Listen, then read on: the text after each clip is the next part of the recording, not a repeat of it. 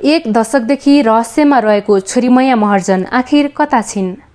उकेरा मार्फत उमेश श्रेष्ठ र प्रजु पन्तले निरन्तर खोजबिन गरिरहेका छन्।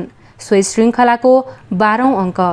राजधानीबाट एक दशकदेखि बेपत्ता छोरीमैया महर्जनको बारेमा हामीले सुरु गरेको यो श्रृङ्खलाको हिजोको अङ्कमा अघिल्लो श्रृङ्खलामा उठाएका केही नसुल्झिएका रहस्यहरूको बारेमा चर्चा गरेका थियौँ। छोरीमैया हराएको केही दिनमै हल्लाहरू सुरु भइसकेका थिए। तीमध्ये एउटा हल्ला थियो। उनी पहिलो गइन् एकजना भारतीयसँग। अहिले भारतमा लुकेर बसिरहेकी छन्। यो खालि हल्लामा मात्रै सीमित भएन किनभने प्रहरीलाई नै उद्धृत गर्दै राष्ट्रिय दैनिकहरूले समेत एक भारतीयसँगै छोरीमैया हराएको बारे समाचारहरू लेखेका थिए। हल्लासँगै प्रहरीले त्यो पाटोको पनि तुरुन्त गहन अनुसन्धान गर्नुपर्ने थियो। तर प्रहरीले अनुसन्धानको चरणमा रहेका अपुष्ट कुरालाई सार्वजनिक गरेर हल्ला झन फैलाउने काम मात्रै गर्यो। के साँच्चै छोरीमैया हराउनुमा भारतको केही सम्बन्ध छ त?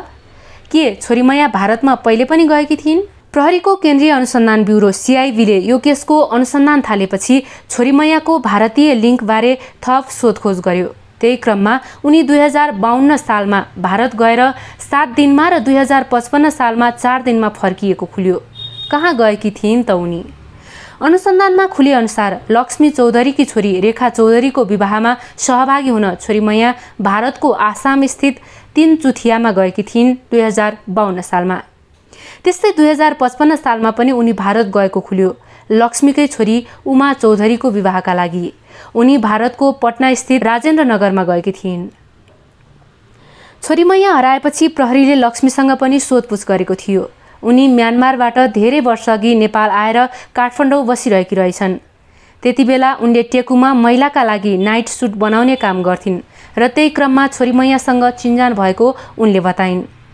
आफ्नै छोरीको विवाहमा छोरीमैया भारत गएको र त्यहाँ आफ्ना आफन्तको घरमा बसेको उनले पुष्टि गरिन्। तर यो त धेरै पुरानो कुरा भयो। घटना हुनुभन्दा तेह्र वर्ष अघिको छोरीमैया हराएकी थिइन् दुई हजार अडसठी सालमा। अर्थात् सन् दुई हजार बाह्रको फेब्रुअरी अठाइस तारिकमा त्यसको भोलिपल्ट बिहान दस बजेर उन्नाइस मिनटमा तिन सेकेन्ड बिना आवाज छोरीको मोबाइलमा सम्पर्क भएपछि उनको मोबाइल स्विच अफ भएको भएछ। अपहरण बेपत्ता हत्या जस्ता केसहरूमा प्रहरीले अनुसन्धानको सुरुवात नै पीडितको मोबाइल नम्बरको कल डिटेलबाट गर्छ। स्वाभाविक रूपमा यो केसमा पनि छोरीमैयाको मोबाइलका पछिल्ला केही महिनाका विवरण प्रहरी सामु आयो। छोरीमैया हराउनुभन्दा पैँतालिस दिन अघि अर्थात् दुई हजार बाह्र जनवरी चौध तारिकमा यो दुईवटा कलमा अनुसन्धानको ध्यान गयो। फोन नम्बरमा एकानब्बे कन्ट्री कोड हुनुको अर्थ थियो यो भारतीय मोबाइल नम्बर हो। छोरीमैयाको मोबाइलबाट भारतीय मोबाइल एयरटेलको नम्बरमा यी कलहरू गरिएका थिए। त्यो दिन मात्र होइन त्यसपछि लगातार पाँच दिनसम्म अर्थात् उन्नाइस तारिकदेखि यो नम्बरमा हरेक दिन कुरा भएको देखिन्छ। एक दिन बिहान बाहेक अरू सबै दिन राति नै कुराकानी भएको कल डिटेलमा देखिन्छ। त्यसै गरी दुई हजार बाह्र जनवरी बाइस अर्थात् हराउनु सैतिस दिन अघि पनि अर्को भारतीय नम्बरमा बिहान एक मिनट तेइस सेकेन्ड सम्पर्क भएको देखिन्छ। छोरीमैयाको अपहरण गरेको अभियोग लगाएर निक्की सिंहलाई काठमाडौँ जिल्ला अदालतमा मुद्दा चलाएर उनी धरौटीमा रिहा भइसक्दा पनि प्रहरीले ती नम्बरहरूको रहस्य सुल्झाउन भने सकेको थिएन। त्यति बेला अनुसन्धान प्रगति विवरणमा लेखिएको थियो छोरीमैयाको कपडा सिलाउने क्रममा भारतीयहरूसँग काम गर्ने भएकाले सोही व्यक्तिहरूसँग सम्पर्क भएको हुन सक्ने सम्भावना। तर छोरीमैयाको परिवारका अनुसार उनीहरूको कारखानामा भारतीयहरू कोही पनि काम गर्दैनथे। उनले इम्ब्रोइडरी गर्न भारत घर भएका रुस्तम अन्सारीलाई काममा लगाउने गर्थिन्। अन्सारी हराएका थिएनन्। प्रहरीले जैसी देवल नजिकै पसल रहेका अन्सारी र त्यहाँ काम गर्नेहरूबारे पनि सोधपुछ गरेको थियो। दुई हजार उनासत्तरी वैशाख दस गते प्रहरीले अन्सारीलाई सोधपुछ गर्दा उनले बयानमा भनेका थिए कामको सिलसिलामा चिन्जान भएको हो। मलाई बुट्टा बनाउने काम गर्न लगाउनुहुन्थ्यो।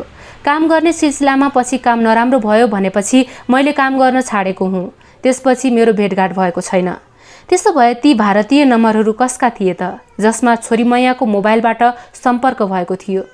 हामीले यो बारे प्रश्न गर्दा छोरीमैयाकै कान्छी छोरी सुधा महर्जनले भनिन् त्यति बेला दिदी सुभद्रा र भिनाजु दिल्ली घुम्न जानुभएको थियो। घुम्ने पनि अनि त्यहाँबाट कुर्था आदि सामान ल्याएर यता बेच्न सकिन्छ कि? भन्ने हिसाबले पनि उहाँहरू त्यहाँ जानुभएको थियो। हामीले दिल्लीमा उहाँहरू बसेको ठाउँको मोबाइलमा कल गरेका थियौँ। छोरीमैयाको मोबाइलबाटै किन त? आमाको मोबाइलमा पैसा भइरहने। त्यही भएर उहाँकै मोबाइलबाट कुरा गर्थ्यौँ उनले भनिन् हामीले यसबारे थप खोज्न सुभद्रा र उनका पति सानु महर्जनको फेसबुक खोतल्यौँ। सानुले सन् दुई हजार बाह्रको फेब्रुअरी तेह्रमा ताजमहल लगायत भारतका ठाउँहरूमा खिचेको फोटो फेसबुकमा अपलोड भएको फेला पर्यो। खासमा यी दुई भारतीय मोबाइल नम्बरहरू छोरी मैयाकी जेठी छोरीको श्रीमानको टाढाको नाता पर्ने दिल्लीमा बस्ने सबिन शाह र सुमित्रा शाहले चलाउने गरेको खुल्यो। यो खुलेसँगै भारतीय नम्बरको कनेक्सनको एउटा पाटोको अनुसन्धान टुङ्गियो। छोरीमायाको अवस्था पत्ता लगाउन विभिन्न कोणबाट अनुसन्धान जारी थियो। उनी राजी खुसीले कतै लुकेर बसेको भए परिवारका सदस्यसँग कुनै न कुनै हिसाबले सम्पर्क हुनुपर्ने अनुमान थियो। त्यसैले उनको परिवारका सदस्यहरू निरन्तर प्रहरी निगरानीमा थिए। हराएको छ महिनापछि प्रहरीले एउटा क्लु पायो। सन् दुई हजार बाह्र अगस्त बिस तारिकका दिन छोरीमयाकी कान्छी छोरी सुधाको मोबाइलमा रिङ बज्यो। उनले उठाउन नपाउँदै रिङ बन्द भयो। यो मिस्ड कल आएको थियो कन्ट्री कोड एकानब्बेबाट सुरु भएको नम्बर अर्थात् भारतबाट। पहिले चाहिँ कोही पनि आफन्त त्यति बेला भारतमा गएका थिएनन्। भारतीय नम्बरबाट कसले गर्यो कल? कतै प्रहरीको निगरानी भइरहेको थाहा पाएका कारण छोरी मैयाले फोनमा कुरा नगरी मिस कल मात्रै गरेर पछि अन्य माध्यम इन्टरनेट आदिबाट कुराकानी भएको हो त?